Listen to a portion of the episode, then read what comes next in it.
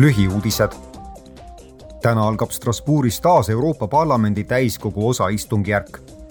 parlament arutab uusi võimalusi hoonete energiatõhususe suurendamiseks, sest soovib ehitussektori kahe tuhande viiekümnendaks aastaks kliimaneutraalseks muuta.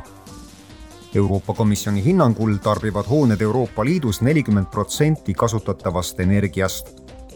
energiatõhususe suurendamise meetmed pannakse hääletusele homme täna arutab parlamendi täiskogu maakasutuse uusi norme, liikmesriikide heitkoguste vähendamist ja turu stabiilsusreservi muutmist. normid on osa paketist Eesmärk viiskümmend viis ning need pannakse hääletusele homme. eelmisel nädalal tegi parlamendi tööstuse, teadusuuringute ja energeetikakomisjon kokkuvõtte energiaturu olukorrast pärast Venemaa enam kui aasta kestnud sõda Ukraina vastu.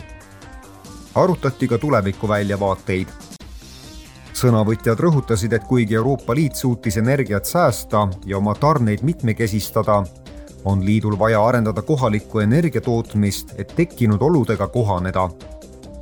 komisjoni energeetikavolinik Kadri Simson rõhutas, et Euroopa roheleppe raames võetud kohustustele jäädakse kindlaks ning lisas järgmist. Last year carbon emissions dropped in Europe. eelmisel aastal vähenes Euroopa CO2 heide kaks koma viis protsenti olulise osa kavast Repower EU moodustab taastuvate energiaallikate laiem kasutuselevõtt ja gaasi asendamine elektri tootmises ja küttes.